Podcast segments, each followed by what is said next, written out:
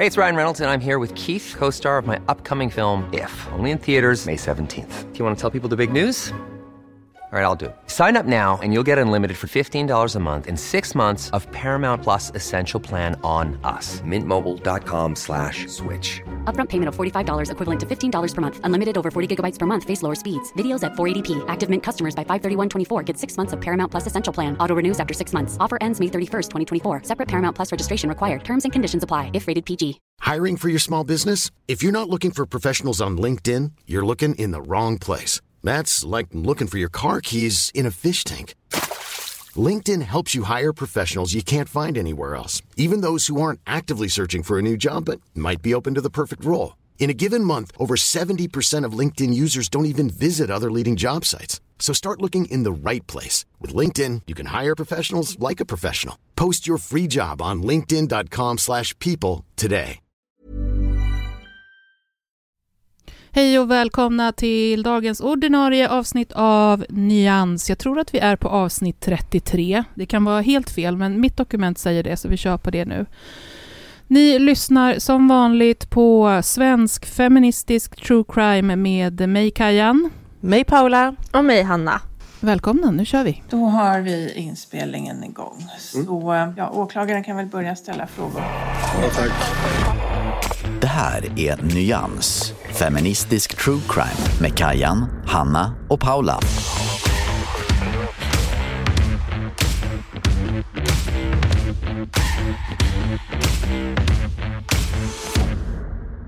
Eh, nu ska jag säga, eh, och ni lyssnare har inte hört det här innan, men vi hinner inte prata jättemycket. Vi skriver till varandra väldigt mycket mellan avsnitten, men vi hinner inte ses och prata, speciellt inte när Hanna är iväg och flyger. Så nu hade vi ett, ett snabbprat här innan och det vi landade i var ju någonting som var alltså väldigt viktigt för oss. Och det är ju då om det heter marängsviss eller marängsvish. Det gäller att prioritera de viktiga ämnena när vi väl pratar. Mm. Och nu har jag då eh, googlat fram här Svenska Akademins ordbok. Eh, sviss är alltså ett eh, bakverk. Så, så själva sviss betyder ett bakverk från Schweiz. Eh, numera bland annat i marängsviss, bla bla bla bla bla. Det låter Det då- marängswish också. Sviss. Av spritsbakelsemassan. Eh, Okej. Jaha, Mm. det är en, en, en, från 1876, en gammal referens på, eh, på svissen. Sätts de på ett fat och sammanfogas med varmt socker. Men vi kan väl ändå enas om att det heter swish? Marängswish. Ja, ja. ja. Ja, ja, såklart. För att det går fort. Swish. Liksom. Swish. Man swishar fram det bara. Hörni, idag ska vi vara så jävla griniga, det tycker ju typ i alla fall en viss procent av de som antingen följer oss eller vet vilka vi är eller lyssnar på oss tycker ju redan att vi är det så jävla griniga hela tiden. Ja, men alltså det är, ju vår, det är ju vårt, vad heter vår branding? Vi brandade, Ja, vi brandar oss som sura. Exakt, vi, vi måste ju hålla stilen här Ja. nu, vi kan ju inte liksom tappa. Det är det som är den röda är- tråden. Eh, Exakt, det blir ett rent gnällavsnitt. Jag ser så mycket fram emot det här alltså. Ja, gud, det kommer vara som en, en förlossning. Fy fan Mm. vad skönt det ska bli. Så tillfredsställande. Nej, men det vi ska prata om idag är ju, vi har ju, eh, tror jag, har jag för mig, hintat om det här redan tidigare, Mm. men vi ska prata om skildringar och eh, granskningar av brott och rättsfall och mer bestämt när de här skildringarna och kanske granskningarna inte blir så bra. Vi kommer ha tre exempel på ja, ska vi säga, lite litteratur och lite, lite podd och lite sådär som eh, tar sig an olika fall och som gör det på sätt som vi tycker är misslyckade av olika anledningar. Eller i alla fall värda att diskutera. Jag vet inte hur det är med er, men jag sitter i alla fall alltid och håller tillbaka mitt gnäll. Så om Mm. man tycker att jag är gnällig, då ska ni veta att det är toppen på ett isberg. Det, här är, Mm. det är jag som kontrollerar. Ja men jag är exakt likadan. Alltså, Ja. Man tänker att nu blir det för mycket kanske. Jag har varit så rasande hela veckan inför det här så att det, jag, är, jag är i gasen. Nu jävlar. In med mer marängsvish, så kör vi. mm. Nyans, feministisk true crime med Kajan, Hanna och Paula. Det som jag ska prata om och gå igenom och lyfta till diskussion är podd... Eh, vad heter det? Podden? Poddprogrammet tänkte jag säga, som en annan 80-åring. Eh, podden Motiv. Och närmare bestämt den serie av program som heter Att skapa ett monster. Det är en serie i åtta delar av och med Alexander Mork och med eh, Nils Bergman, då, poddskaparen, som exekutiv producent.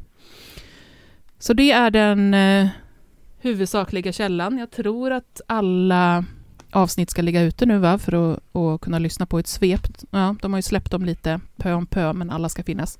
Tycker absolut att ni ska lyssna. Finns... Eh, och, och, speciellt om ni känner nu att det här kanske är en diskussion som jag skulle vilja ha efter att jag har lyssnat lite grann, så går det jättebra att pausa nu och så lyssnar du igenom det där maraton eh, poddandet på åtta delar så kommer du tillbaka.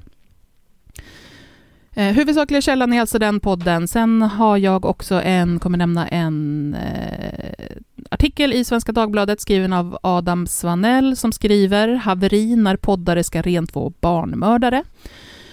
Och sen har jag också tittat på en, som nästan alltid, eh, ett avsnitt i Viaplay-serien eh, I huvudet på en mördare. Det här rör säsong 4 och avsnitt 4. Lite kort först om eh, fallen. Det är ju två mordfall som det här liksom är centrerat runt. Så fallen det här rör är morden på Helene Nilsson, 10 år, och på Jannica Ekblad, 26 år. Eh, båda morden sker 1989. Jag kommer inte gå in mycket på dem alls för att det skulle ta upp precis allting och vi ska hinna vara arga och diskutera också. Eh, men kort, ni känner säkert igen det. Helen försvann när hon skulle iväg till en lågprisaffär för att möta upp sina lekkamrater en kväll. Men hon eh, nådde aldrig fram till dem, hon hittade inte dem och hon kom heller inte hem sen. Hennes kropp kom sen att påträffas sex dagar senare i en skogsdunge i plastpåsar. Hon var då avklädd och svårt misshandlad och man hittade sen även spår efter sexuella övergrepp. Jannica Ekblad hon var eh, prostituerad och försvann när hon åkte iväg med en torsk som hon kände sedan tidigare. Hennes kropp hittades senare mitt på en väg. Den var då avklädd, svårt misshandlad och där hittade man också spår efter sexuella övergrepp. Så båda de här morden sker 1989. Det är inte förrän 2005 som Ulf Olsson döms för de båda morden. Man har då som sagt väldigt sent i, i utredningen fått in tips om honom som man tycker bör följas upp. Och det visar sig att den känslan stämmer. Bland bevisningen så finns eh, DNA-träffar som Ulf Olssons spermier i tioåriga Helen och eh, Jannica Ekblads blod under golvlister i hans stuga. Men det finns, finns också en rad andra saker som att han eh, blir utpekad av en vän till Jannica och att man under en husrannsakan också hittar ett simkort hemma hos honom som det visar sig har använts för att ringa in erkännanden till polisen och erkännanden av just de här två morden. I Lunds tingsrätt så döms han först till eh, livstidsfängelse, en dom som överklagas. Och sen så döms Ulf Olsson till sluten rättspsykiatrisk vård med särskild utskrivningsprövning av eh, hovrätten från Skåne och eh, hovrätten över Skåne och Blekinge. 2006 så kommer han att ge ut en bok om sitt liv han har ju hela tiden menat att han är oskyldig och att han har blivit oskyldigt dömd och att han har blivit behandlad väldigt illa av eh, rättsväsendet. Och den boken heter Utan rättssäkerhet och går liksom i linje med det. I januari 2010 så tar Ulf Olsson sitt liv. Han hänger sig på den rättspsykiatriska kliniken där han sitter. Så det är liksom bakgrunden om fallen. Om motiv då. Eh, man skriver så här i sin lilla pufftext om just den här serien. Så står det så här. Efter serien Nattvandraren lämnades producenten Alexander Mork med en gnagande känsla av att det finns mer bakom historien. Under fortsatta intervjuer med kriminalinspektör Monica Olhed kommer de osökt in på en annan mordutredning och dörren öppnas till en omöjlig labyrint. Eh, vi, vi som har lyssnat på hela serien, jag har faktiskt lyssnat på hela två och en halv gång. Eh, för att jag tänkte att vad är det, ja, jag måste ha missat så mycket för att så här bisarrt kan det inte vara. Eh, så att jag lyssnade igen och nästan igen. Eh, men vi som har lyssnat, vi känner igen det här med omöjlig labyrint. För det är någonting som upprepas med väldigt, väldigt dramaturgi flera, flera gånger. Man pratar om den omöjliga labyrinten, man pratar om detta mysterium och det är den inramningen som hela serien utspelar sig i. Den här eh, första serien då som man nämner, Nattvandraren, den handlar om dubbelmördaren Bengt Karlsson. Jag har lyssnat på den också. Eh, bra, tycker jag. Att den serien var. Han var en, en relativt okänd, och är nog nästan fortfarande, svensk dubbelmördare som dessutom misshandlade och våldtog betydligt fler än, än bara två offer. Så det den här serien av motiv gör är att man liksom tar avstamp i den tidigare serien om Nattvandraren, det vill säga den om Bengt Karlsson, och tar med det in i den här nya serien. Och då har man med sig det här att Bengt eh, han kan nog vara skyldig till fler mord. Eh, så det är någonstans där och i då förhören med Bengt Karlsson som finns inspelade och är gjord av den här kriminalinspektören Monica Olhed som Alexander Mork börjar eh, nysta och liksom försöker hitta ehm, ledtrådar om eller bevisning på att Bengt Karlsson faktiskt kan ha mördat fler. Så det är liksom huvudpremissen på något sätt. Men det går fort i hockey och det går fort i den här serien.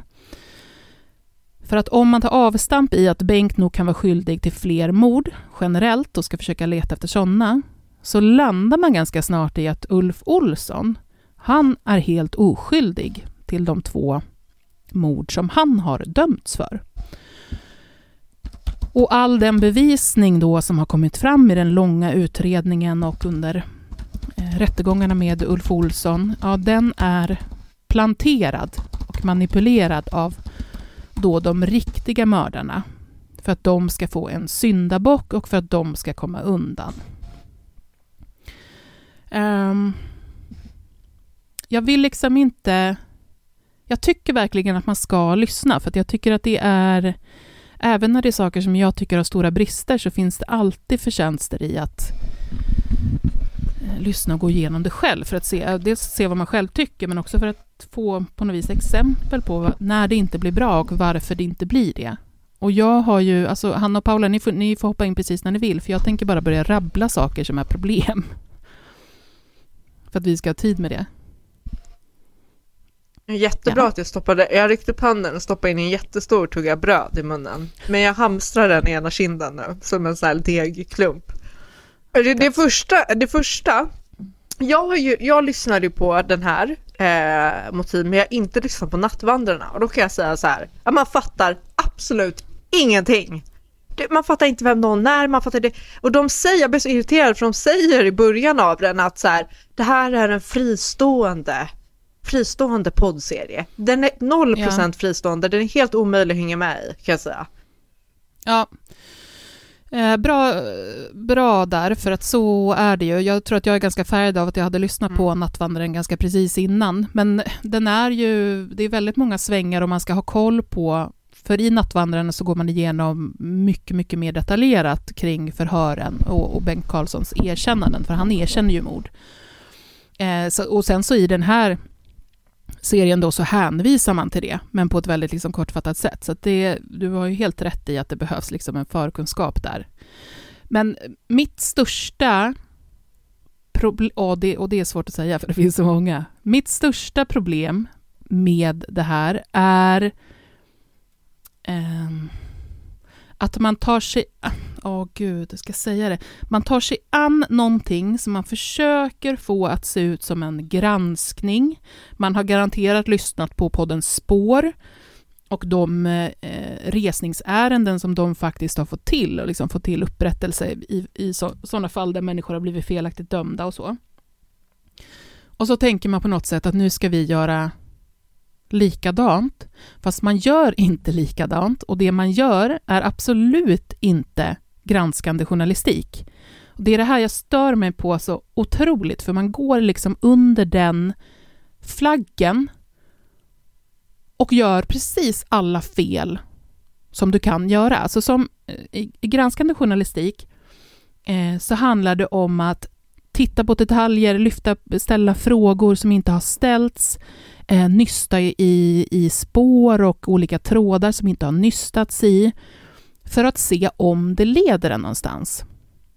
Det man istället gör i den här podden är att man sitter med ett nystan, tar sig några centimeter fram och sen så bestämmer man sig för vart det där nystanet ska sluta.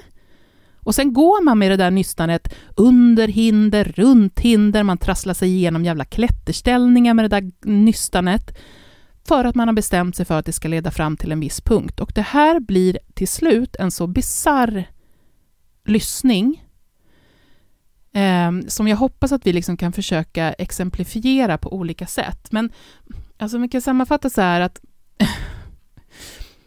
för, förlåt, jag ska inte skratta för att det är ett fruktansvärt ämne, men, men det är på riktigt bland det mest bizarra som jag någonsin har lyssnat på i den här genren. För det man gör är att man bestämmer sig då tidigt för att Ulf Olsson är oskyldigt dömd. Han har inte gjort det här.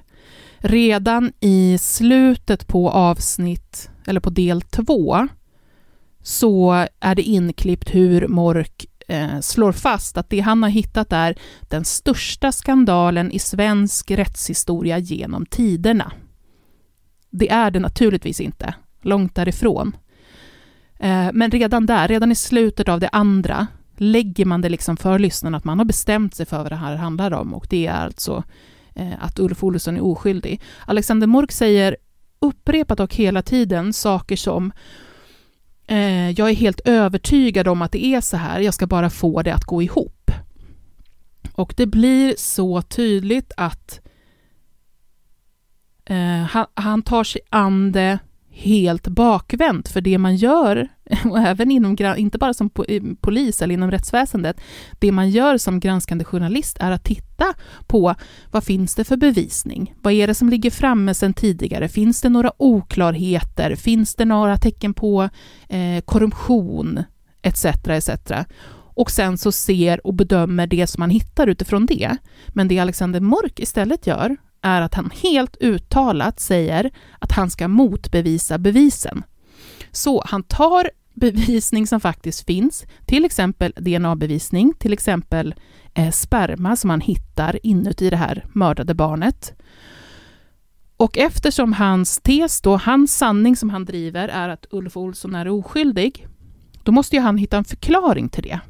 Det här är hela upplägget. Det som inte går ihop ska han hitta alternativa förklaringar till. Och det han gör då, och jag blir så provocerad, det han gör då är att han i princip säger hmm, men tänk om det var så här.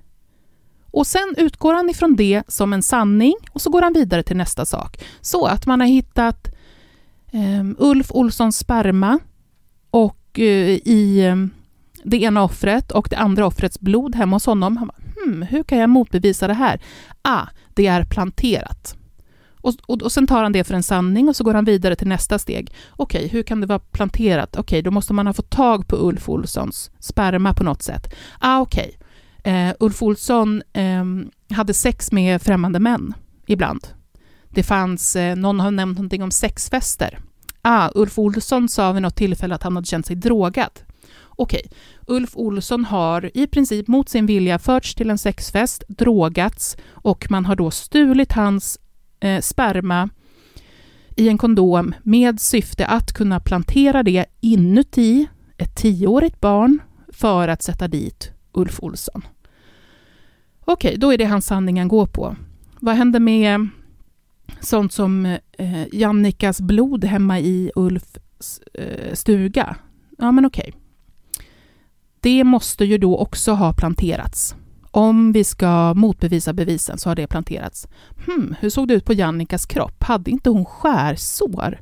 Okej, var satt de skärsåren? Nej, men på armen eller handleden, på ställen där man blöder mycket. Det var ganska mycket skärsår ska vi säga. Okej, det måste nog betyda att man medvetet har skurit henne där för att i princip tappa henne på blod. För att man sen, flera år framåt, ska kunna använda det för att mitt under en utredning få in det under Bengt Olssons golvlister för att sätta dit honom för det här. Och, och så här fortsätter det hela tiden ända tills han kommer fram till att Helen inte har blivit... ehm, alltså hon, hon har ju definitivt inte blivit tagen av Ulf Olsson, som han säger, men inte heller liksom tagen på det sättet av någon annan. Det som istället har hänt är att hon har blivit Eh, påkörd. Och Den här personen som har kört på henne hintar eller insinuerar Alexander Morkom måste vara någon med bra koll på polisens arbete. Han säger i princip att det troligtvis är någon som jobbar antingen med det här fallet eller med andra fall. Eller liksom är insyltad i det på något sätt. För att jag tror att han uttrycker det som att han vet vad polisen ska göra innan polisen gör det. Så den här personen har då kört på det här tioåriga barnet och i ett försök att, för då tänker han det här kommer ju förstöra mitt liv. Så då stoppar han in det här barnet i bilen. Han kommer köra iväg med barnet. Sen är det bizarra utsvävningar och det här är så osmakligt när det gäller ett, att spekulera på det här sättet när det gäller ett mördat barn. Men han spekulerar fritt och det handlar om att man då har, har strypt ihjäl det här barnet sen. Det finns eh, passager om att det ska läggas kropp i någon, i en, eh, någon frys. Eh, att det ska då införas sperma inuti henne på olika sätt. Och allt det här då för att någon har kört på henne och inte typ vill förstöra sin karriär. Och han lägger fram det som att han, nu har jag kommit på det. Det finns ingen som helst bevisning för att det här skulle vara en bilolycka, utan det är ett sidospår, någonting han får upp i huvudet och så säger han mm, så här måste det vara. Han säger så Mm. dumma provocerande saker som att när man hittar Helen sen så har ju hon blåmärken på knäna. Varför skulle man få blåmärken av en våldtäkt? Och så leder han det här då som bevis för att det här måste bero på att hon har blivit påkörd av en bil och fått de här blåmärkena på knäna utifrån det. Han drar så jävla dumma grejer som att um, ett vittne har kört på en, på en gata i det här lilla samhället där Helene försvinner ifrån, har mött en bil på kvällen och alla sådana iakttagelser rapporterar man ju in till polis precis som man ska för att det kan ha betydelse. Oftast har det inte det. Men han rapporterar då in att han har mött en bil. Den här bilen blinkade till honom i hellyset. Det här lyfter man som en, en stor detalj som man har missat i utredningen. För vad kan det här betyda, undrar Alexander Mork. Jo, troligtvis så betyder det att man försöker blända personen man möter för att den mötande bilen inte ska se vad som sker i bilen. Att det är därför man då blinkar med helljuset. Eller så menar han, det här kan ju också bero på att det är ett hemligt signalsystem. Det kan ju vara så att den här bilägaren, som inte på något sätt är kopplad till Helen, att den här bilägaren signalerar till en annan mördare som är i en bil lite längre bort, att nu kommer det någon på den här gatan. Och den här människan sitter och för fram det här helt seriöst. Jag vet inte om det är så här alltså storhetsvansinne ser ut, men det är fullkomlig galenskap. Jag är så arg.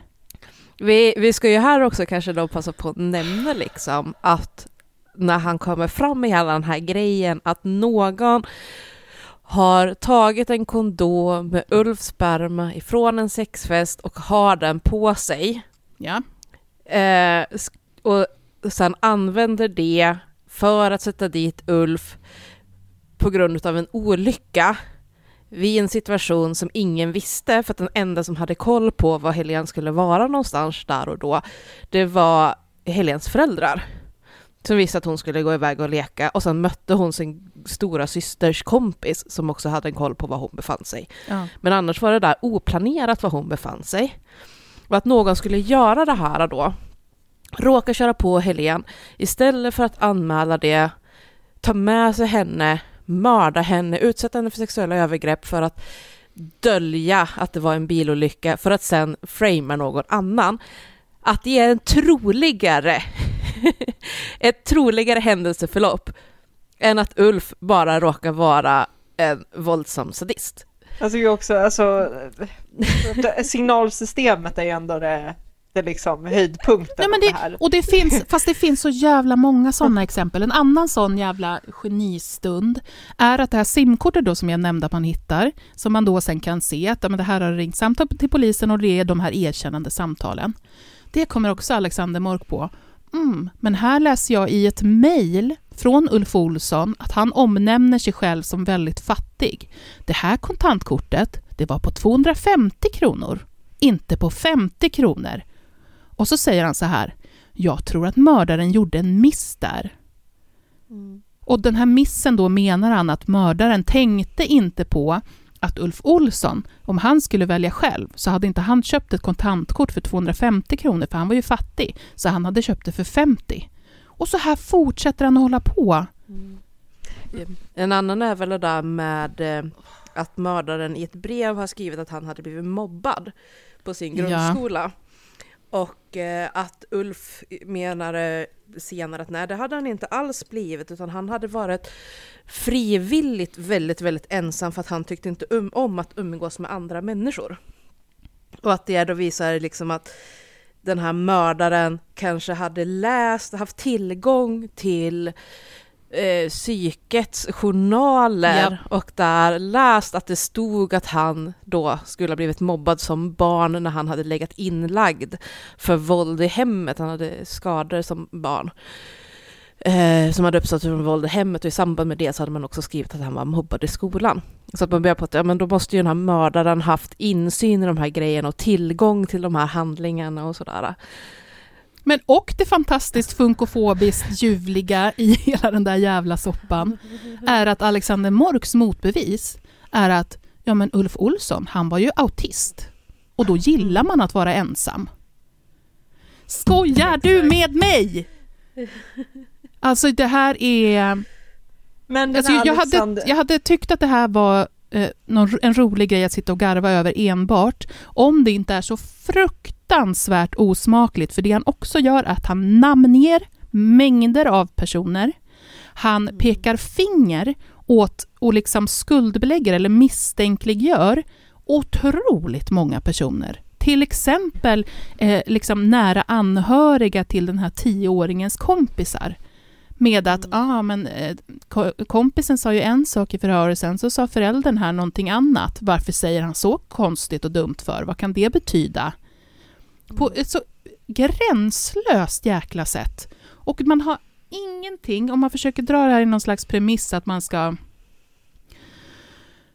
skapa någon slags tvivelkänsla kring eh, Ulf Olssons skyldighet eller inte, eller att man ska försöka, som Alexander Mörk själv säger, att det här är hans utredning, vilket också är ett jätteproblem och som är väldigt Åh. avslöjande, för att han är så uppe i den här leken att han är någon mästerdetektiv, vilket han verkligen inte är. Han återkommer ju till det också att han som inte är polis behöver inte förhålla sig till samma regler. Så att han kan titta på den här utredningen med andra ögon och andra metoder än vad polisen kan. Så att han ser saker som polisen inte ser. Och det är så, ja, jag, jag kan ge honom rätt i det, om man, om man med det tänker att fritt speku- spekulerande och påhittande är metoder som polisen inte ska ägna sig åt, medan det är det enda han ägnar sig åt, så absolut så är det metoder som de inte använder sig av.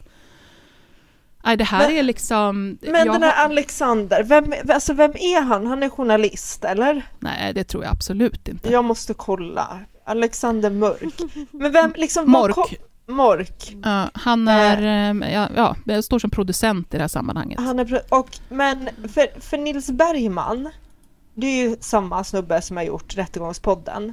Jag förstod aldrig vad han, för han, han är ju med där liksom i början. Men jag förstod aldrig vad han har med saken att göra.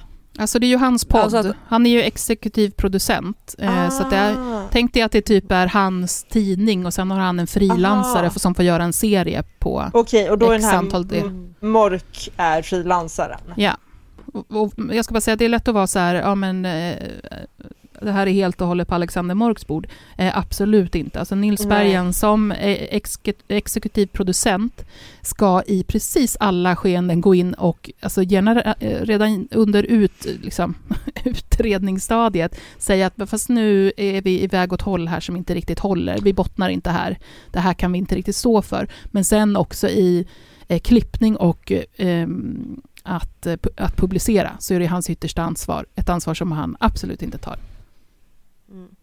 Alltså Nils Bergman Det- startar ju egentligen upp med att bygga hela det här stämningsgrejen, nu avslöjar vi någonting stort. Eh, och egentligen också med att skapa det här antydande av att polisen är på något sätt inblandad i det här. Ja. Det är ant- att det är en polis eller någon som har med polisen att göra på ett eller annat sätt som har gjort det här mordet. Med att han börjar trycka på den här grejen att Alexander ringer och vill absolut träffas, han vill inte berätta över telefon vad det här handlar om. När de håller på med klippningen sen så kan de inte mejla eller prata i telefon om det, utan allting måste tas öga mot öga för att det skulle vara för farligt för dem att prata eller lämna digitala spår om vad det är de håller på med. Och man bara, men, men så när man lyssnar liksom igen på det, man bara, jo fast liksom intervjuobjekten här vet ju precis vad ni redan är ute efter. Så om det nu hade varit så himla farligt så hade de ju försökt att stoppa er innan ni ens hade börjat klippa någonting. Ja, och det där lägger de in hela tiden som att det liksom skulle vara fara för Ja. någons liv, för de här mördarna kan ju finnas där ute. Och man vet inte vilka Ja. positioner de sitter på. Eh, Så du får inte säga att det är jag Precis. som har gjort det. Alltså det här är så cringe och det här är så otroligt illa att jag... Det här tror jag vi kommer prata om i många, många, många, många Ja. år. Jag, eh, jag hittade en, en eh, Flashback-tråd om den här. Flashback är inte nöjda. Någon skriver fem timmar av mitt liv som jag aldrig får tillbaka. Eh, en annan skriver lyssnade en minut men avbröt då jag inte ville ge Spotify pengar till sån här skit. Oseriöst och bottenlöst uselt. Eh, Mm. Nu känner jag mig elak men det här är nog, det, det här är något av det absolut värsta eh, jag har hört. Det är ri- Men alltså, riktigt, riktigt illa. Ja, och vi, vi nu upptäckt min... Jag ska bara så. så. Vi, alltså vi, måste ju, vi måste ju också nämna den här grejen med katten. Åh, För jag satt och skrek i våran sla, eh, Slack-kanal när jag lyssnade och kom till det. För Alexander hävdar ju då att det inte skulle finnas, funnits dokumenterat någonting om tidigare våldsamhet ifrån Ulfs sida. Eh, och det är väldigt mycket det han bygger på, att det här liksom skulle vara eh, en osannolik historia, att någon kommer liksom och har varit en jättelugn och trevlig man och så från ingenstans plötsligt mördar två personer. Eh, så svarar ju Monica liksom så här, jo men det finns det ju visst det. det. Det finns ju både polisanmälningar mot honom sedan tidigare för våld mot eh, kvinnliga partners och dokumenterat liksom att han har utsatt både djur och människor för eh, våld och hotfulla beteenden och sådär. Ja. Och så nämner hon då eh, ena exflickvännen som när hon var, vad var hon, var hon 16 eller något sånt där när hon och Mm. Ulf träffades, så då var ju han i 25-årsåldern eller något sånt där. Mm. Så han var ganska mycket äldre. Eh, och de flyttade ihop rätt fort. Eh, och att eh, när han gick till jobbet på dagarna så var hon inlåst i lägenheten och fick liksom inte gå någonstans. Hon fick bara vara inlåst där tills han kom hem igen. Eh, och de hade en katt. Och när hon till sist tar sig ur den här relationen och kommer tillbaka för att hämta sina grejer så hittar hon katten slaktad inne på toaletten. Och eh, Alexanders svar på den grejen var bara Ja, men eh, jag tror ju att folk dödar katter varenda dag. Ja, han säger till och med eh, rätt ut, det där tror jag är hysteri faktiskt. Ja, det där, tro, det där folk tror jag man katter säger... varenda dag. Det där tror jag man säger i efterhand för man vet vad han dömdes för. Den här eh, stackars kvinnan som vittnade om, om eh, våld på andra sätt från Ulf eh, har, har blivit liksom, han har blivit arg på henne. Hon lämnar deras lägenhet. Hon har sin katt kvar i lägenheten. Hon lämnar den. Hon tar sig ut därifrån eh, efter att han är otroligt aggressiv mot henne. Kommer tillbaka och hittar katten i delar i badrummet. Alltså det, vi Mm. pratar inte om att någon har vridit nacken av en, eh, av en sjuk gammal katt här, utan det här är alltså på riktigt. Hon får ju liksom skrapa ihop den här kattens delar. Mm. Och han sitter och hånfullt pratar om att det är hysteri. Mm. Och då finns det andra ex-partners som vittnar om liknande våld. Det finns andra djur som har råkat illa ut. Det finns liksom sak på sak. Men en, en, en till grej som också är väldigt fascinerande är att han liksom tar och inte reagerar över det själv. Han tar det faktum att Ulf Olsson inte har erkänt utan han har förnekat. Det tar han som en slags bevisning på att då måste ju han vara oskyldig. Mm. är ett så märkligt resonemang. Han säger, hade han Mm. gjort det och dessutom ringer och säger i något anonymt samtal till polisen att han har gjort det, då skulle ju inte han fortsätta neka. Mm. Det är ju det han bygger det främst på. Ja, Att eftersom Ulf nekade in i döden så kan det inte vara han. Eh, eftersom mördaren erkände anonymt. precis. Sen, sen skulle jag också vilja hävda att Alexander har ju någon eh, märkligt homofob hang-up Ja. på hela den här grejen att Ulf ska ha varit manlig eskort. Mm. För det återkommer han till och bara droppar emellanåt också, så här, helt utan relevans. Det var första gången han säger det så är det verkligen så här bara typ att ja men varför skulle någon som är man, så här, jag kommer inte ihåg exakt hur han säger det, men det är någonting i stil med liksom så att, ja, men att Jannike var prostituerad. Eh, och någonting, någonting. Och sen bara avslutar liksom meningen med typ, ja, och Ulf var manlig eskort. Ja. Det kommer bara från ingenstans och han förklarar inte vad det har med någonting att göra, han bara nämner det. Och sen går han vidare till någonting helt annat. Och det där händer med jämna mellanrum, att han liksom Mm. droppar in det där lite grann, som att det har med någonting att göra. Nej, han är väldigt fascinerad av det där. Och då, han, han använder ju det som ett sätt att också måla fram Ulf som då offret. Mm. Så det är väl också i någon slags homofobisk agenda att det här liksom kan ju inte han ha velat på något vis. Eh, Mm. Utan att han skulle vara utsatt för det här. Jag ska bara, eh, jag lovade, ju- eller lovade, jag sa att jag skulle nämna någonting om den här artikeln i Svenska Dagbladet som är väldigt, väldigt bra. Det är ju en total sågning. Eh, Men Adam skriver då där bland annat poddar befinner sig i en publicistisk gråzon. Det finns inget krav på att de ska ha en ansvarig utgivare. Men det främsta problemet är kanske egentligen inte oklarheten kring juridiken, utan att vissa poddmakare helt enkelt saknar vanan och kompetensen att ta publicistiska beslut. Och det tycker jag är så jäkla tydligt att det är precis vad som har skett här. Eh, vem som helst kan inte sätta sig och leka granskande eh, journalist, granskande reporter och sen packa ut det och, och som jag tycker är så tydligt att de har trott att det här ska liksom få världens jävla genomslag och bli en stor grej som en stor rättsskandal. Alltså större än Kvick tycker de själva. Eh, och så blir det inte det och de förstår inte varför. Visar så otroligt tydligt att man inte har den kompetensen som, som krävs. Han avslutar med att skriva så här.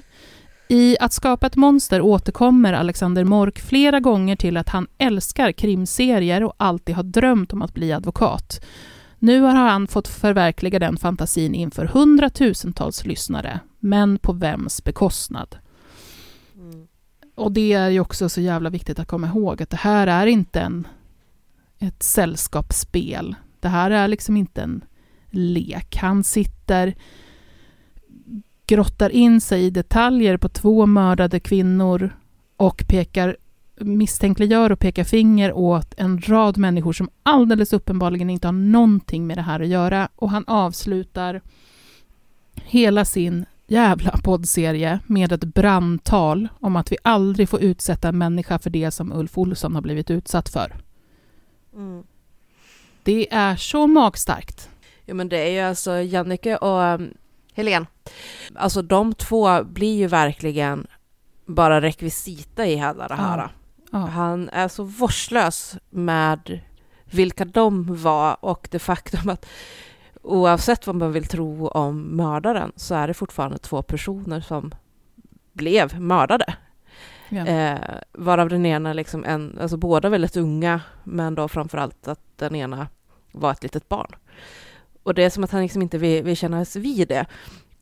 Och dessutom så cementerar han ju lite den här också felaktiga uppfattningen som finns av att sexualsadister liksom, som, som mördar eh, om, om det nu var det det handlade om, men att liksom den här typen av mördare, att de inte skulle kunna mörda med ett stort åldersspann. För att han snöar ju in sig så väldigt mycket på att eh, Jannike var 24 och där. prostituerad säger han också gärna. Och är prostituerad, ja.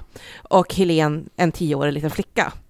Så han menar på att, men då, då, att det inte skulle stämma överens, att de var för olika och, mm. och att mördare som mördar mer än en så här, de eh, har en, en bestämd typ, eh, åldersspann, kön, utseende och sånt där som de riktar in sig på. Mm. Och den typen av mördare finns.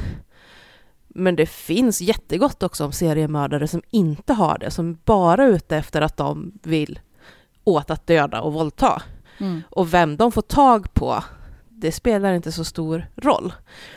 Eh, jag tror att en av de mest kända är väl Richard Ramirez som både våld, alltså jag tror att hans yngsta offer, offer var typ sex år gammal, en liten flicka. Men han, han mördade och våldtog också små pojkar. Och hans äldsta offer var en tant på typ 80 bast. Mm. För han var bara så han, han tog lätta offer, de han kunde komma över. Mm. För att mörda och våldta. Sen om det var pojke, kvinna, ung, gammal, mittemellan spelade ingen roll. Nej. Han var ren opportunist. Och det finns tyvärr läskigt många sådana och de är ofta svårast att upptäcka på grund av den här idén av att det ska finnas ett specifikt modus operandi och en specifik typ som mm. folk jagar efter när de är seriemördare. Och det här handlar liksom inte ens om att jag tycker så jag tycker självklart att det ska kunna göras granskningar eller, eller liksom bara true crime-dokumentärer eller, eller så om fall där man försöker skapa frågetecken eller lyfta frågetecken eller sådär, även om jag som person inte håller med om det. Det, det är ju inte... Det stora felet här är ju inte att just vi inte köper att, eh, att Ulf Olsson skulle vara oskyldig. Det är inte det som är det stora problemet. Problemet är hur den här serien har gjorts. Hur man eh, bygger allting på obscena spekulationer utan någon som helst grund. Och att man är så jävla vårdslös med personer och deras anhöriga eh, i den här på något vis jakten på att få, ja inte vet jag, göra sig ett namn inom den här genren. Jag mm. kan ju säga också att jag skrev en, och en väldigt mild kommentar på Motivs Instagram. Eh, kontentan där, det jag skrev var i princip Eh, så här, jag, jag, tänker att den granskande journalistikens uppgift är att, ja men typ det här som jag sagt nu, är att eh, ställa frågor som inte har blivit ställda och liksom eh, titta på detaljer och, och dra i trådar som inte har blivit dragna i. Att på ett väldigt tidigt stadie bestämma sig för ett utfall och sen vända och vrida på precis allting in absurdum för att det ska passa in på det är inte granskande journalistik. Och så skrev jag att det här föll tyvärr helt platt för mig. Eh, den kommentaren tillsammans med ganska många andra som inte var så imponerade eh, togs bort. Jag frågade Nils Bergman hur det kom sig för att jag eh, tyckte inte att det var en otrevlig kommentar, och, eh, även om den var liksom skarp i kritik. Eller så jävla skarp var den inte heller. Eh, den var kritiskt inställd. Och jag fick väl i princip svaret att han tog bort den därför att han tyckte att den gav en fel, felaktig bild av poddserien. Det vill säga, han höll inte med om den. Och då ska den inte stå med på Instagram som är marknads, eh, marknadsföringsplattform för den här podden, helt enkelt. Och så skickade Nils ändå med att du är ju varmt välkommen att att kritisera det här på, på dina egna plattformar. Så du, det är det jag gör nu. Kan jag bara take you up on that? Tada! Nyans, feministisk true crime med Kajan, Hanna och Paula. You should celebrate yourself every day, but some days you should celebrate with jewelry. Whether you want to commemorate an unforgettable moment or just bring some added sparkle to your collection, Blue Nile can offer you expert guidance and a wide assortment of jewelry of the highest quality at the best price. Go to BlueNile.com today and experience the ease and convenience of shopping Blue Nile, the original online jeweler since 1999. That's BlueNile.com. BlueNile.com. Hiring for your small business? If you're not looking for professionals on LinkedIn, you're looking in the wrong place. That's like looking for your car keys in a fish tank. LinkedIn helps you hire professionals you can't find anywhere else, even those who aren't actively searching for a new job but might be open to the perfect role. In a given month, over 70% of LinkedIn users don't even visit other leading job sites. So start looking in the right place. With LinkedIn, you can hire professionals like a professional. Post your free job on linkedin.com slash people today.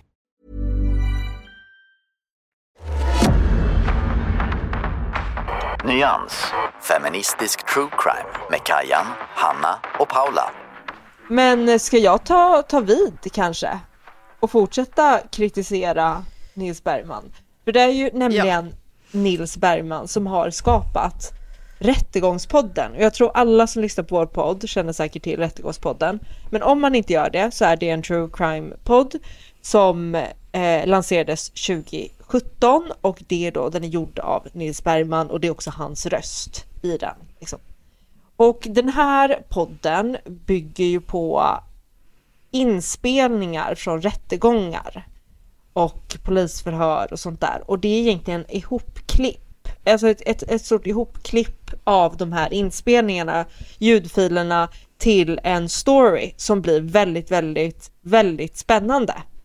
Och jag eh, ska säga att jag har lyssnat väldigt mycket på Rättegångspodden och det om man liksom bara har på sig glasögonen av att vilja lyssna på någonting spännande, spännande true crime, så är det ju verkligen spännande. Men om man eh, tar på sig ett par kritiska eh, glasögon så blir det inte riktigt lika roligt. Det, det, 2019 så släpptes det en artikel på SVT och sen har jag sett att det verkar som att de flesta stora nyhetstidningarna har sen gjort liksom, artiklar utifrån den. Men i den här artikeln så kritiseras Rättegångspodden väldigt, väldigt hårt av anhöriga. Eh, jag tror att det är fem olika liksom, familjer som kritiserar podden för att ha liksom gjort underhållning av deras största trauman i deras liv. Alltså det värsta, det värsta, värsta tänkbara som hänt i deras liv har gjorts underhållning av och släpps för liksom hundratusentals människor som har lyssnat på det. Jag ska också säga att Rättegångspodden är ju, när den kom så blev det ju snabbt den största, alltså herren på täppan bland true, true crime och Sveriges femte största podd. Den är extremt, extremt stor. Eh, och då de här anhöriga, anhöriga kritiserade podden för att ja, de, de för det första blev inte tillfrågade om de tyckte det här var acceptabelt eller de fick inte ens information om att avsnitten skulle släppas. De fick inte veta att imorgon så kommer vi släppa ett avsnitt där vi går igenom där din dotter blir mördad. Utan det fick de veta i efterhand, när, att folk har liksom varit inlyssnat. För det, det som är speciellt med Rättegångspodden och som jag uppfattar det som är det som främst blir, att den blir främst kritiserad för det här. Eh, för det finns ju massa true crime-poddar, bland annat oss själva, som går igenom fall och som anhöriga, det finns säkert anhöriga som har riktat kritik mot sådana poddar också, men att det just, jag uppfattar det i alla fall som att det blev, just Rättegångspodden fick så mycket kritik är för att de spelar upp dels alla anhörigas, eller inte alla, men många anhörigas vittnesmål eh, i rätten. Och det är, alltså det är väldigt integritetskränkande skulle jag säga. att Det går, det, det, ja, men det, är inte, det är stor skillnad på att gå igenom ett fall och berätta det här hände och det här hände, än att liksom ställa någon helt naken inför en sån stor publik där de mm. spelar upp den värsta stunden i deras liv i princip. Mm. Bland de här fem som var kritiska så vet jag att det var ju också mamman till den här där flickan som kastades ner i kraftverksdammen mm. som vi har gjort mm. avsnitt om. Och när vi gjorde avsnittet så hänvisade bland annat jag till just Rättegångspodden det avsnittet och vi diskuterade det lite grann att vi tyckte båda två, både du och jag Kaja som hade lyssnat på det, att det var jävligt jobbigt avsnitt att lyssna på. Eh, bland annat för de här grejerna, alltså dramaturgin som läggs in i form av olika ljud. Mm. Och det är en, ganska centralt i det mamman kritiserar, att här tar de liksom hennes röst, hennes vittnesmål, när hon gråter och gråter och gråter och försöker berätta om det värsta hon någonsin har varit med. Och så tonar man ut det till bebisgråt och forsande vatten. Ja. Det- att, eh, ja. att hon liksom tycker att det blir, det blir så tydlig underhållningsgrej utav Ja men det är ett väldigt, det är ju helt solklart att det här, den här podd, rättegångspodden, det är ju o, alltså, enbart underhållning. Det finns inte ett element av att så här, nu ska vi utbilda allmänheten eller något sånt, eller diskussion eller något slags analysinslag, utan det är ren och skär underhållning där man, där man skapar just den här eh, dramatiska effekten genom att det som, de har ju massa ljudeffekter och violer som spelar och sorgsen musik och det, det- man blir väldigt uppslukad av det, hur det är klippt liksom. Mm. Eh, så att- så att det, det, jag menar en del av den här kritiken eh, det är ju någonting som vi också som poddskapare inom true crime-genren behöver ta ställning till och fundera på kan vi fortfarande göra det här utan att det liksom drar på samma kritik som Rättegångspodden? Och jag vill hävda att det ändå är stor skillnad mellan vår podd och exempelvis Rättegångspodden. Man måste ta det här på stort allvar för att, just för att vi pratar Mm. om riktiga saker och riktiga människor som har utsatts för fruktansvärda saker. Och att det Mm. då blir så viktigt för oss, och, och som ju vi gör eh, internt liksom hela tiden och utvärderar oss själva och tar upp saker vi tycker blir bra eller inte bra, eller kan vi göra så, eller hur gör vi med, med att sätta namn i den här gången eh, och så vidare. Så att det blir ju, men det blir kanske tydligt Vi- att det inte alltid görs. Ja, och jag tänker också till exempel så här, jag vet att det var någon gång vi har plockat ner varandras Instagram-inlägg för att vi har tyckt att vi var, låt lite för liksom snaskigt. Eh, där vi på något sätt, jag vet inte om ni minns det, men att det är så här att vi någonstans försöker hålla koll på varandra. Att så här, Mm. men vänta, det här, hur, hur blir det för en anhörig som skulle råka se det här? Mm. Eh, och sådär. Så Ja, men det är för att det är ett ansvar liksom. Ja, ja. Och jag tror ändå det, man får ju väga här för och nackdelarna. Ja, men vi gör ju, om vi inte vi ansåg att det fanns ett värde att lyssna på den här podden, att man inte fick med oss någonting så hade vi ju inte gjort den. Det är ju, vi vill ju ändå nå- någonting mer än bara ren och skär underhållning. Eh, och jag tror att det är väl det man får väga för och nackdelarna för att så här, kan det bli jobbigt för en anhörig att lyssna på ett avsnitt om deras, deras älskade liksom. Ja, det kan det, men där får man ju väga så här, finns det, finns det något, ett värde i att göra det ändå och hur kan man göra det på ett så bra sätt som möjligt utan att det blir det där snaskiga.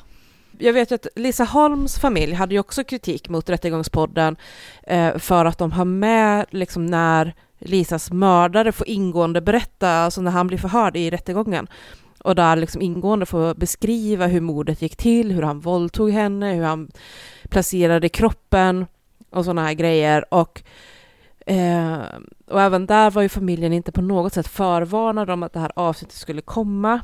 Och sen när de försöker lyssna och se vad det är för någonting så får de liksom den käftsmällen av att plötsligt återuppleva, att behöva höra hur deras älskade dotter liksom blev brutalt mördad in i de liksom vidrigaste detaljer. Um, och det, det tycker jag är liksom är kanske en viss skillnad från hur vi gör, där vi liksom ständigt påminner om att vi kommer ta så lite detaljer som möjligt om, om själva mordet, om själva övergreppen. Vi tar med det man behöver veta för att förstå vad det egentligen är som hände. Eh, men inte allting runt omkring. Sen finns det ju olika sätt att förhålla sig på till sådana här saker. Jag vet ju typ att vad blir det för mord till exempel? De gör ju inte svenska fall om det inte är historiska sådana från tidigt 1900-tal eller tidigare. Så att de gör ju aldrig på aktuella svenska fall eh, eftersom de är en true crime humorpodd och det liksom lirar inte med eh, att eventuella anhöriga ska sitta och lyssna på det.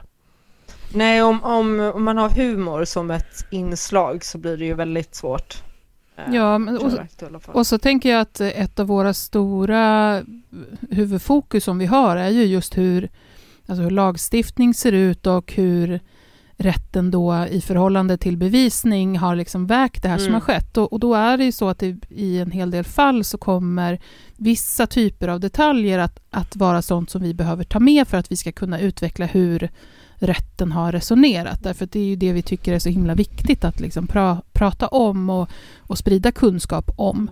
Men vi lyfter ju aldrig in detaljer bara för att liksom någon ska få någon rysning av hur fruktansvärt det här eller liksom Jag, jag vet inte om det kanske är delvis också lite av ett mansproblem.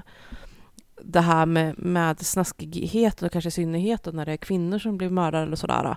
För det har ju jag nämnt tidigare, kritiken mot Dan Hörning som har jättemånga poddar. Eh, så han har ju bland annat Seriemördarpodden och Mordpodden och Massmördarpodden Men alltså, hur hinner man med? och? Palmemordet-podden. oj, det här har jag ingen koll på. Eh, Nej, inte jag heller. Eh, han har också någon podd ihop med någon kvinna om sagor om isfolket. det var verkligen så här het. Ja. Eh, och Seriemördarpodden fanns fortfar- eh, förr. fanns ju den att lyssna på gratis och så fick man förtur och extra material om man var Patreons och sånt där. Men han har ju gått över på, vad heter den då, Podme eller något sånt där. Eh, där du måste betala varje månad för att få lyssna på poddarna. Så att det går inte att lyssna på hans avsnitt längre eh, utan att betala för det. Men, men när det fortfarande fanns liksom att lyssna på så lyssnade jag en del på det. Och i början tyckte jag han var jättebra. Men sen med tiden så blev det ju liksom just det här eh, mer och mer och mer detaljerat till saker och ting. Och han kunde ju också, nu var ju det amerikanska fall, så på det sättet är det väl mer safe att det inte kommer vara någon anhörig som plötsligt sitter och lyssnar på det och förstår vad som sägs. Men, men där han liksom men, hade högläsning i någon seriemördares eh, memoarer där den mördaren i detalj beskriver hur han har dödat vissa kvinnor och spelar upp eh, ljudupptagning från kvinnor som blev torterade Nej, fan. vissa seriemördare och sådana här saker. Och det är liksom sådär, man bara, men nu, stopp. Här, alltså, man fattar att det är jätte, jättehemskt att bli inlåst och torterad, våldtagen och mördad. Mm. Vi behöver liksom inte höra skriken. Så, alltså jag är ändå liksom rätt luttrad eftersom jag är ett sånt skräckfan. Mm. Men när man tittar på vanliga rysare så finns det alltid den här, även när det är baserat på verkliga händelser eller liknande, så kan man ju ändå alltid ha den här lilla mantrat i huvudet att det som händer nu på filmduken är skådespeleri, det händer inte på riktigt. Men när man plötsligt rakt in i öronen får gråt och skrik från någon som man vet det här är någon som har blivit torterad på riktigt och inte längre finns. Då går det inte att liksom skydda sig med nu är det bara skådespeleri. Eh, och det, det fyller ingen funktion mer än just det här äh, kletandet i chock och fasa och äckel. Liksom. Ja, och då blir det så tydligt hur man eh, faktiskt skiter i att prioritera de här utsatta personernas och offrens integritet.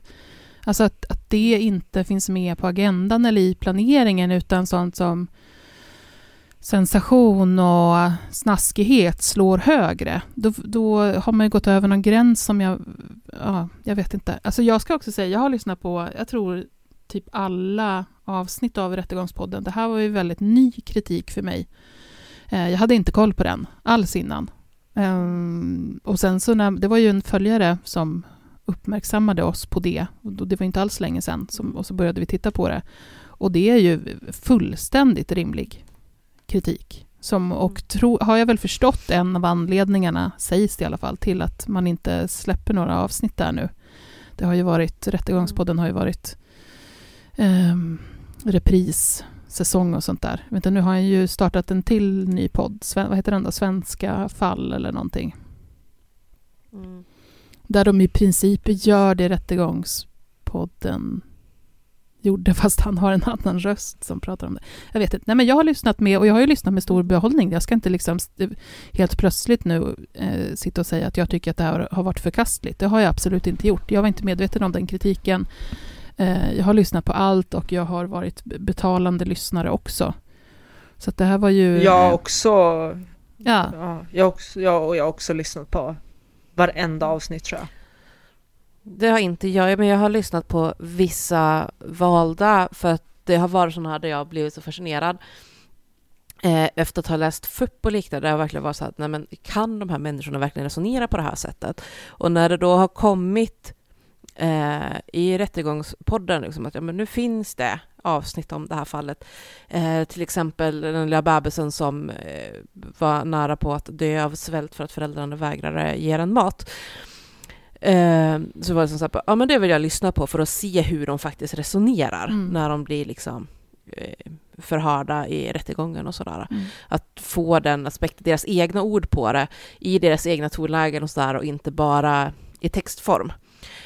Eh, men eh, nej, ja, och då har jag ändå liksom så förutsatt någonstans att de givetvis har frågat om lov när man använder folks inspelning. Kanske inte förövarna, det kan jag känna så att oh, fine när det är liksom Nej. folk som blir dömda för Precis. grova mord eller liknande, att man skiter i deras känslor. Mm.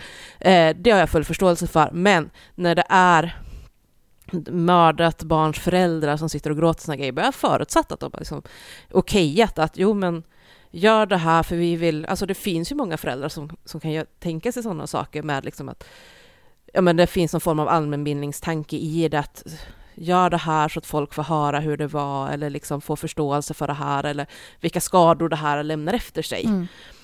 Ehm, så att jag vart jätteputt när- när vi vart uppmärksammade på den här kritiken och jag fattade så att nej, han har bara kört. Ja. Och inte blev det bättre av, av svårigheter med att hantera kritik. Gillar vi sånt? Nej. Inte jättemycket. Vi är inte jättefans av det. Nyans. Feministisk true crime med Kajan, Hanna och Paula. Nu ska vi lämna Nils Bergman och rättegångspoddar och allt vad det heter därhän. Och så ska vi istället såga Elisabeth Höglund. Oh. Jäms med fotknölarna. Alltså jag, ja, alltså. Fick, fick jag en liten gåshud? Jag fick en liten gåshud. Alltså Elisabeth Höglund har skrivit en bok som heter Morden i Bjärred och andra sanna berättelser om föräldrar som mördar sina barn. Eh, lång och enkel titel. Ja. Vi, vi nöjer oss med att säga Morden i Bjärred. Och eh, jag satte mig och läste den här boken i höstas någon gång när vi pratade om att vi skulle göra det här Morden i Bjäredsfallet eh, som julspecial. Eh, uppdelat på två delar. Men sen visade det sig att eftersom det aldrig gick till någon form av rättegång eller liknande så eh, släpptes det ju aldrig några egentliga offentliga, alltså officiell FUP eller liknande. Och det lilla som fanns i form av eh, dokumentation om fallet var till typ 90 procent maskat, så det gick ju inte att få ur i princip någon information alls. utifrån Nej, när jag höll ju på att mejla fram och tillbaka så var det ju någonstans att jag Mm. kunde få åka till kontoret och typ hämta tre papper. Och så Ja. var det liksom i ja, Bjärred från Stockholm. Nej, det var, Mm. det var inte jättesmidigt. Nej. Och eh, det, jag kunde ju också se utifrån då vad Elisabeth Höglund hade skrivit om det, här, för hon var väldigt, väldigt, väldigt in, investerad i det här fallet.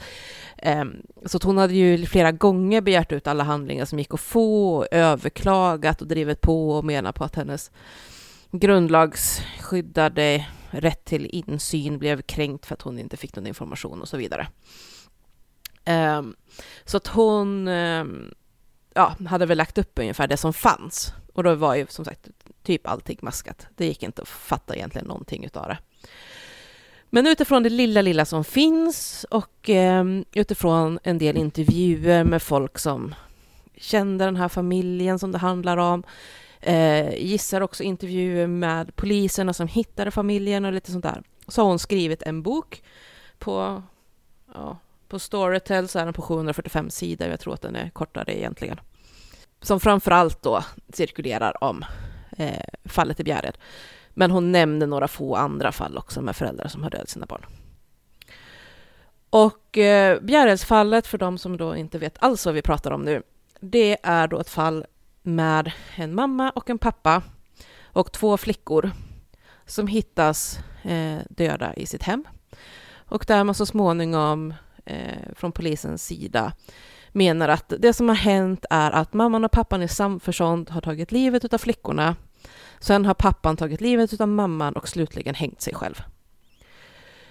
Eh, och syftet eller orsaken till det här ska ha varit att båda flickorna var MS-sjuka.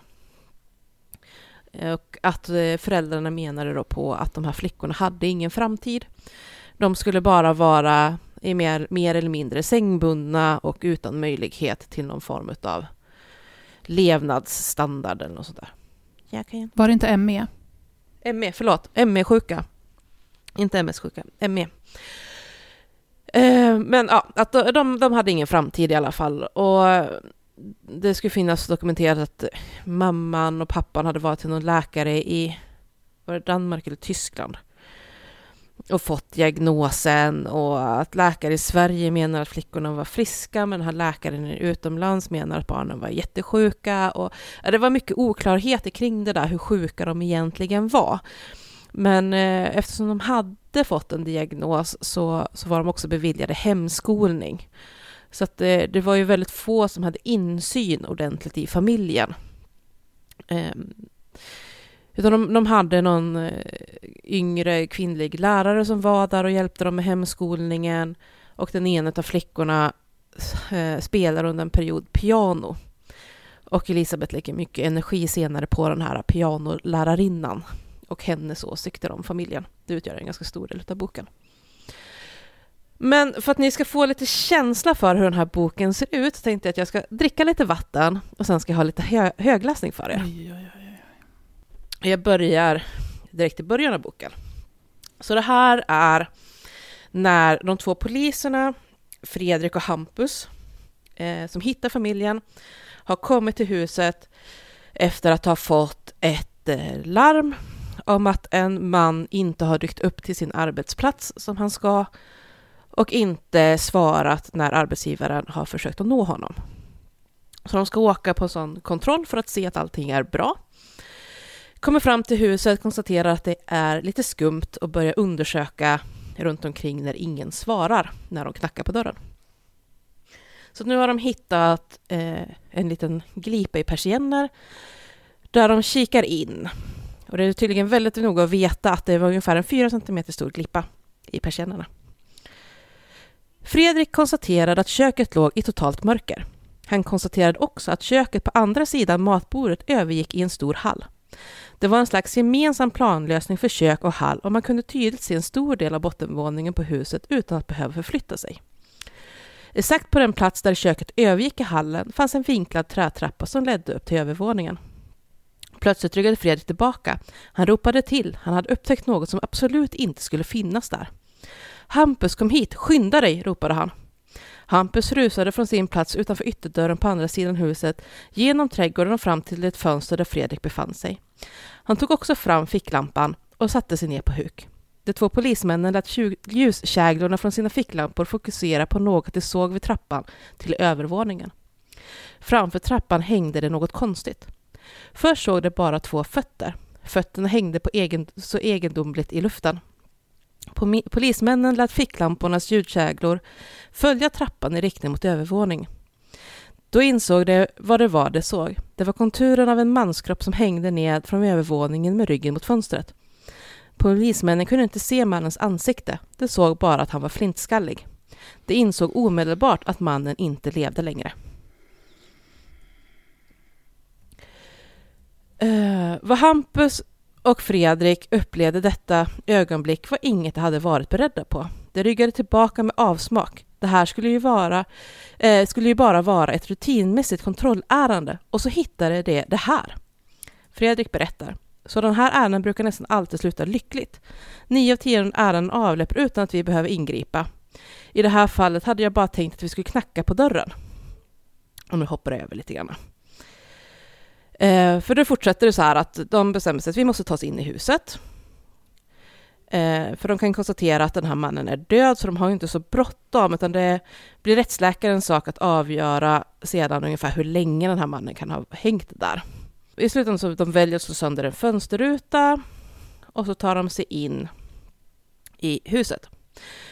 När de klev in i utrymmet innanför altandörren konstaterade de att de hade kommit in i en tvättstuga eller ett grovkök. De gick jag rakt igenom grovköket, hittade en dörr som, öppnade, som de öppnade och kom ut i en hall. Från hallen kunde de nu se rakt in i köket. I ljuskäglorna från ficklamporna kunde de se den svängande trä, svängda trätrappan som ledde upp till övervåningen. Genom spjällorna i trappan som avdelade hallen och köket såg de den döda mannens kropp igen, nu från en annan vinkel, nu lite från sidan. Ehm, de tände en, en lampa och i det starka ljuset från taklampan blev situationen ännu mer grotesk, ännu mer overklig. Fredrik och Hampus stirrade på varandra utan att säga något. De såg nu den avlidne mannen för första gången i klar belysning. De såg hans huvud och hans ansikte. Mannen var helt skallig. Han var klädd i t-shirt och pyjamasbyxor och han hängde i en snara som hade fäst vid trappräcket på övervåningen. Eh, Fredrik tittade en, än en gång på mannens passfoto. Jo, det stämde. Den skalliga mannen som hängde framför honom var samma person som på passbilden. Han hette Jonas och var född 72. Eh, och så här fortsätter det. Och sen är det mycket rysningar, mycket att de går omkring och till sist hittar resten av familjen i det här huset. Eh, kapitel 4 startar till exempel med Det var en mardröm som aldrig tog slut. Nu börjar de gå rum för rum för att hitta resten av familjen. Och hittar då flickorna och till sist mamman också då döda i huset.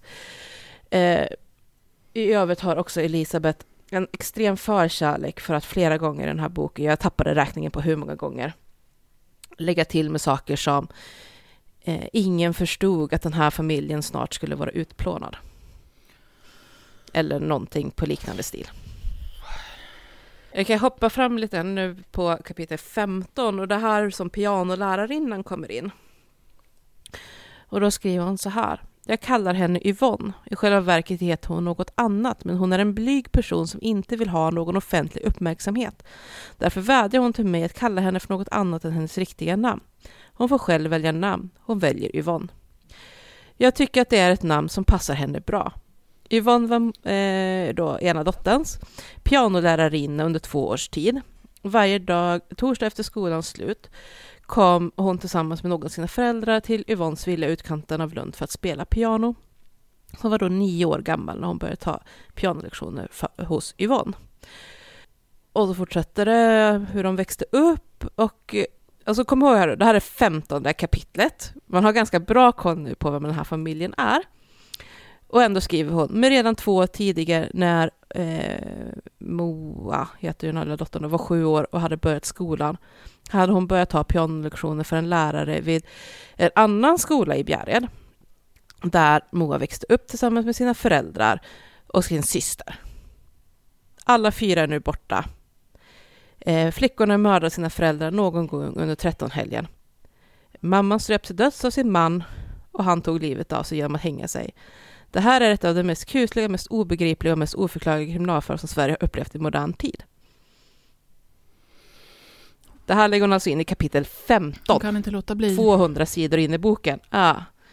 Jag tycker också att i det här du läste Okej. från den första delen, hur hon försöker göra eh, alltså typ en reportageskildring eller, och, med det menar jag att hon beskriver då vad de här två poliserna gör, att de tittar på varandra, det är tystnad, de har repliker, eh, för att man tycker att det är någonting som liksom bidrar till att förmedla känsla och sätta någon stämning. Hur det lite grann är, avslöjar henne på samma sätt som jag var inne på i, i motiv med, med hur Alexander Mork avslöjar sig själv med att vilja skriva in sig själv som någon slags stämnings Mm. sanningssökande stämningssättare, del i utredningen. Alltså, det blir så jävla Du har ändå tydligt. hoppat över hela biten med typ hur hon beskriver hur nere polisens mage börjar kurra.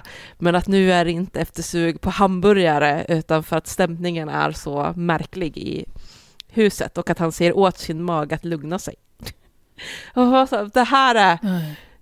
hur, hur bidrar Så här, detta du har till uppenbarligen att förstå vad som har hänt? någon våt jävla dröm om att skriva någon, någon deckare. Liksom. Men gör Mm. det då. Mm. Och så låter det bli det här. Och låt bli de där. Och så för hon något slags, och det här gör ju hon ofta, att hon liksom rider på, alltså att hon, jag vet inte om hon inbillar sig själv eller tror det, eller bara använder det som argument, att hon liksom har gjort någon slags övervägningar grundade i vad som är rätt och fel och journalistik och sånt där. Nej, Det har hon absolut inte gjort. Och att hon då så här, ehm, har tittat på det här med förtal om eh, avliden person och sen så är det ett, ett annat fall som vi inte behöver gå in på men som hon nämner där det har blivit ett friande och så är hon så här, ah, så därför så kan jag nu gå ut med det här för varför ska Sverige skydda mördare? Och så fortsätter hon. Men alltså man kan inte friskriva sig från kritik genom att säga att jag har faktiskt gjort överväganden. Det är så här, jag, du kan ju ändå göra fel efter det. Det kan ju ändå bli, Alldeles du kan ju övervägt, landat i flera slutsats liksom. Ja, Eh, och så är avslutar hon, det är också så himla tydligt tyckte jag, det där jävla blogginlägget med alla de här bilderna på den här familjen och hon trycker hela tiden på hur förskräckligt det är. Avslutar hon det med en stor glad selfie på sig själv. ja. Nyans. Feministisk true crime med Kajan, Hanna och Paula. Jag har kommit fram lite nytt då kring eh, den här Juha som, jag vet inte hur man uttalar för jag är jättedålig på att uttala finska, eh, som blev dödad i tunnelbanan i somras. Eh, jag kommer inte ihåg om vi pratade om det någonting.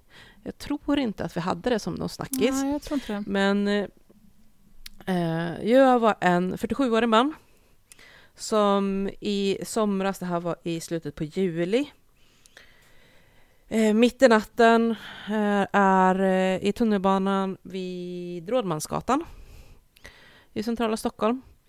Och eh, folk ringer efter ordningsvakt för de upplever honom som väldigt stökig. Eh, svår att få kontakt med, eventuellt då full eller drogpåverkad. Han ska ha knuffat någon kvinna på perrongen och ja, varit bröte liksom. Och två stycken eh, eh med ordningsvakter kommer till platsen. Det är en 24-årig kvinna som har jobbat som ordningsvakt i två år. Och sen är det en 31-årig man som väldigt nyligt har fått behörighet för att jobba som ordningsvakt i tunnelbanan. Han hade haft eh, tillstånd i två, tre månader eller något sånt där. Så att även om han är den äldre så är det kvinnan som ska agera handledare för den här mannen. Och de försöker få kontakt med Juha och eh, be honom liksom att lämna perrongen eller lugna ner sig och sluta bråka med folk. Och de upplever att de inte får någon direkt kontakt.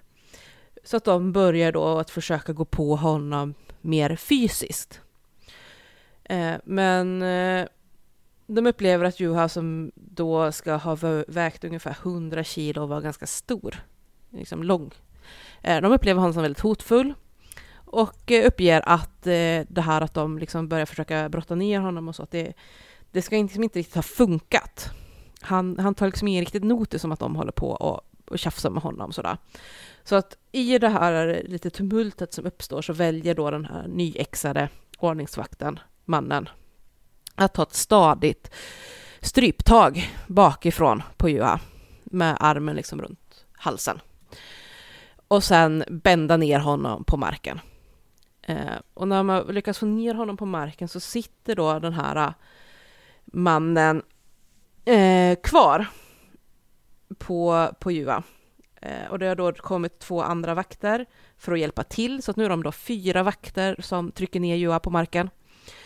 Och den här 31-åringen sitter kvar med ett grepp om halsen och lägger samtidigt eh, vikt över hans överkropp. Och även den kvinnliga vakten är med och trycker till och liksom håller ner. Eh, och den här kvinnan säger att hon ska ha satt sig på honom över hans typ svank och rumpa. Så nu är de alltså fyra stycken inblandade, varav två mer eller mindre sitter på honom och trycker ner honom mot marken. Eh, varav den ena då fortsätter att hålla ett strypgrepp. Och det här ska ha pågått i kanske en, en fyra, fem minuter. Och där någonstans börjar de upptäcka att eh, hans hy börjar ändra färg. Vilket får då kvinnan till sist att reagera eh, att det här kanske inte är jättebra. Så att den manliga vakten släpper sitt grepp Och då konstaterar de att när, när det här greppet släpper så bara faller hans huvud ner i marken helt livlös. Så att de försöker då så småningom att dra igång eh, hjärt och lungräddning. Eh, för att de konstaterar att det är någonting som har hänt. Men när ambulanspersonalen kommer en tio minuter senare eller något sånt där så eh, verkar det som att det liksom redan är kört och när de kommer fram till Karolinska vid ja, vad kan klockan vara då? Kanske två någonting? 2.15 så konstaterar att hans liv inte går att rädda, vilket meddelas ut då vid 02.30 på natten. Och då kan jag säga att de första samtalen om Joa och när den här, de här två första då började eh, leta reda på honom så var klockan 01.30.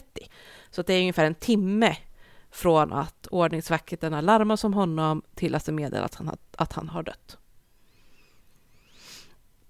Så att nu var det redan i februari som eh, gick ut med att de kommer att åtalas för det här, men det var lite oklart vad det skulle bli för åtal.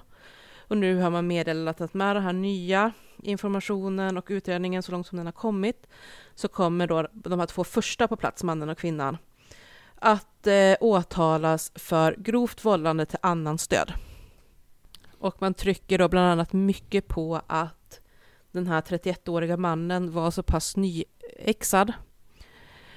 Och är det någonting som ständigt, som man går igenom mycket i utbildningen, bland, de få saker som de faktiskt får mm. lära sig, så är det här att ta aldrig stryptag, sitt aldrig på dem när de ligger ner på marken, alltså sitt inte över överkroppen och sådär. Eh, för att man vet att risken att eh, för kvävning är väldigt, väldigt stor i det läget, speciellt då på någon som är drog eller alkoholpåverkad. Eh, för att lungorna blir så ihoptryckta och är de då dessutom rädda eller liksom mm. upprörda eller liknande så får de ännu svårare att andas och det ökar ytterligare risken för eh, ja, för att kvävas. Det vet ju att vi tog upp i Tove-fallet, senast, vårt senaste fall. Eh, mm. där var det ju samma, just att eh, de, eller förövaren hade ju suttit på hennes bröstkorg så att den hade, liksom, lungorna hade tryckts ihop. Och där mm. vet jag att rättsläkaren också skrev att det bidrog till, till döden. Mm. Liksom. Mm. Jag tänkte ju direkt också på vårt avsnitt, alltså intervjun med Anna Jinghede mm. Sundvall. Där hon pratar om just det här med hur lätt folk ändå tar på att ta mm. stryptag på någon. Eh, att man inte inser allvaret i det och heller inte förstår hur snabbt det kan gå. För de här poliserna, alltså, eller eh, ordningsvakterna, säger ju i utredningen att de inte upplevde att det tog så lång tid. Att de tänker att det kanske tog en minut på sin höjd. Eh, som de satt på honom innan de började lägga märke till att hans hud börjar ändra färg och sådana här grejer. Och grejen är att när man är mitt uppe i en sån här sak så går tiden mycket snabbare än vad man tror till att börja med. Eh, men, men en minut eller två minuter eller vad det nu kan ha varit då, fyra minuter eh, men eh, ja, det var vad det tog från att de uppger att de ska ha brottat, alltså den här, den andra gruppen av två personer kom, eller ordningsvakter kom, till att en femte person dök upp och var den som började inleda hjärt och lungräddning. Eh, men sen hur lång tid det faktiskt tog från att de brottade ner honom och satt på honom tills att de upptäckte att han inte längre rörde på sig, det vet jag inte riktigt. Eh, ja, det är precis det jag sitter och läser nu. Att, eh, Expressen har ett, eh, en genomgång, så här, för, för det finns ju övervakningskameror så det finns filmklipp. Och då går, igen, då går de igenom tidsperioderna från då eh, nio sekunder in på det bandet och då ligger Joha på eh, marken och han har de här två ordningsvakterna över sig. Eh, kvinnliga ordningsvakten sitter gränsle över honom och den andra, den manliga, är på sidan om och så då har då grepp runt Juha och då ser man att han rör sig. Mm. Och sen så hoppar det ner mm. till eh, ah, det är redan 24 sekunder in där så, tycker man att, eh, så ser man att Juha är, är orörlig. Sen kan man börja se 34 sekunder in, 47 sekunder in, man kan se en färgskiftning i hans hy. 57 sekunder in, han är mm. fortfarande mm. orörlig. Eh, en minut och fyra sekunder in så eh, den här manliga ordningsvakten bör, ja, han börjar klappa till Joha på huvudet utan att få någon respons. Och så säger han, andas han? Och så ber mm. han sin kvinnliga kollega att kolla om han andas. Eh, och hon tycker inte det och så här. Så att det, hela den här genomgången är från 9 sekunder in till 2 minuter 22 sekunder in. Eh, och att det då kommer fler ordningsvakter. Den kvinnliga kollegan går då till dem och pratar om Mm. att hon har fått slag i ansiktet och att det ska mannen har gjort sig Mm. skyldig till våld mot tjänsteman. Och då ligger ju han alltså på mage utan livräddande åtgärder, eh, or, orörlig och Mm. blek. Ja, men det tar fyra minuter ungefär tills det kommer en femte ordningsvakt och det är han Ja. som startar hjärt och lungräddning. Och då är ju också, alltså även innan de där nio sekunderna på att han ligger på marken så tas ju strypgreppet Mm. före det. För det tar ju mannen, eh, den åtalade mannen då, medan Johan fortfarande står upp och sen håller det greppet liksom för att kunna bryta ner honom Mm. på marken. Men jag, och jag tänker på det här vi pratade om i det stryp, strypavsnittet, men gästavsnittet där vi pratade mycket om det här. Mm. Att kunskapsnivån kring eh, strypvåld och strypningar är så himla låg. Jag tror inte att, och det har säkert påverkat på något sätt, jag tror inte Mm. att man fattar hur jävla fort det kan gå. Och med jävla fort så menar jag inte Mm. en sekund, liksom, Mm. utan, men jag tror att man tänker att det måste ta mycket, mycket längre tid att ha ihjäl någon. Mm. Mm. Ja, men det, Ja. var, det var väl en 20-25 sekunder han sa för, för att någon ska kunna svimma utav det. Alltså Mm. verkligen liksom så. Och sen efter en, bara en 40 sekunder så kan de liksom börja få hjärnskador. Och det är ju där någonstans som folk också då kan dö utav det. Och om han nu liksom ligger när den börjar närma sig minuten där och det blir färgskiftning i ansiktet och så, då är det ju kört. Ja, för, Jag vet för, att jag, jag, Mest troligt. jag trodde ju förut, alltså ett bra tag sedan, att det var liksom man ströp någon så var det att ja, men man inte fick luft och att så länge man kan hålla andan liksom ja. lika lång tid så är det lugnt i princip. Men det är ju inte alls Mm. så det funkar. Nej. Nej, det är blodförtillförseln Ja. till hjärnan som man tar död på. Och det är ju det som gör att det kan gå så, så väldigt, väldigt fort, för hjärnan tar väldigt snabbt stryk av att det inte kommer något blod till den. Mm. Och det här var ju, vet Eh, jag stod med också i att rättsläkaren gick igenom det i, i också förra avsnittet av Tova-avsnittet med de olika stadierna som Mm. man eh, kan hamna i då vid, vid en strykning, strypning och att det i, även i om det är tredje eller fjärde stadiet, jag- minns inte nu, vi får väl återkomma till det, att man kan komma in i ett sånt stadie där man inte har avlidit, men de går inte att backa ifrån. Så har du kommit in dit i dem Mm. redan så är det kört. Eh, Så Mm. det förkortar ju också förloppet Mm. ytterligare. Mm. Ja. Precis, och här vet vi ju inte. Det kan ju vara så att hade de direkt de märkt att shit, han börjar få Ja. konstig färg, vänt honom och påbörjat hjärt och lungräddning, så kanske det hade gått att få honom att överleva. Men vilka skador går ju inte eh, omöjligt Mm. att säga. Men det faktum att man nu lät honom ligga i ytterligare två, tre minuter innan man satte igång att faktiskt göra Mm. hjärt och lungräddning eh, är ju antagligen starkt bidragande till att det liksom Ja, ja, visst. Eh, skett sig för honom, att det inte Mm. gick att rädda hans liv. Eh, så att det ska bli intressant att se hur domen Mm. blir. Men eh, jag förväntar mig mycket upprördhet om det inte leder till en fällande dom för, för grov vållande Ja. till annans död. För Mm. ordningsvakter ska veta bättre än så här. Mm. 100 Det procent. kanske till och med är ett fall vi behöver göra. Alltså, Ja, ordningsvaktsvåld, jag tänker det har vi ju inte varit Det inne på jag. så mycket. Vi behöver prata om vårdningsvaktsvåld, Mm. att vi inte har tänkt på det. Mm. Verkligen. Mm. Precis. låter jag så anklagande. göra. Jag anklagar inte. Så Hanna, vill du avrunda med eh, Nej, jag för, historien om vikten av källkritik? nej, jag är för trött. Jag är för trött. Men så här, kommer bli ly, så arg. lyssna, nöj dig Mm. inte med att en kompis säger till dig att det är på ett visst sätt och så tar du det för sanning och, och skickar ut det på internet för vet inte hur många tusen. 40, 40 000. 47 Ja, men jag. jag tänker man har ju räckvidd som är, kan vara betydligt mer också med öppet konto och sånt där. Mm. Ehm, gör din läxa och kolla upp saker så att det blir rätt. Det är det minsta vi kan göra, speciellt när vi pratar om brott och straff och statistik. Ja, och använd min gamla mattelärares eh, ständiga mantra med att fundera. Låter det här verkligen rimligt utifrån givna parametrar? Är det verkligen rimligt att tänka sig att media skulle mörka att över 60 kvinnor per år mördas av män? Eller är det kanske inte den rimligaste slutsatsen vi kan dra? Gör en Alexander Mork eller gör det inte? Gud vad han kommer hata mig. Vi tackar för att ni lyssnar och så tackar vi för alla nya Patreons. Nu har vi ju spräckt 200-gränsen där. 200 Patreons, det är suveränt! Det är så kul att ni hittar hit så glad. och vill höra mer. Ja. Fortsätt med det.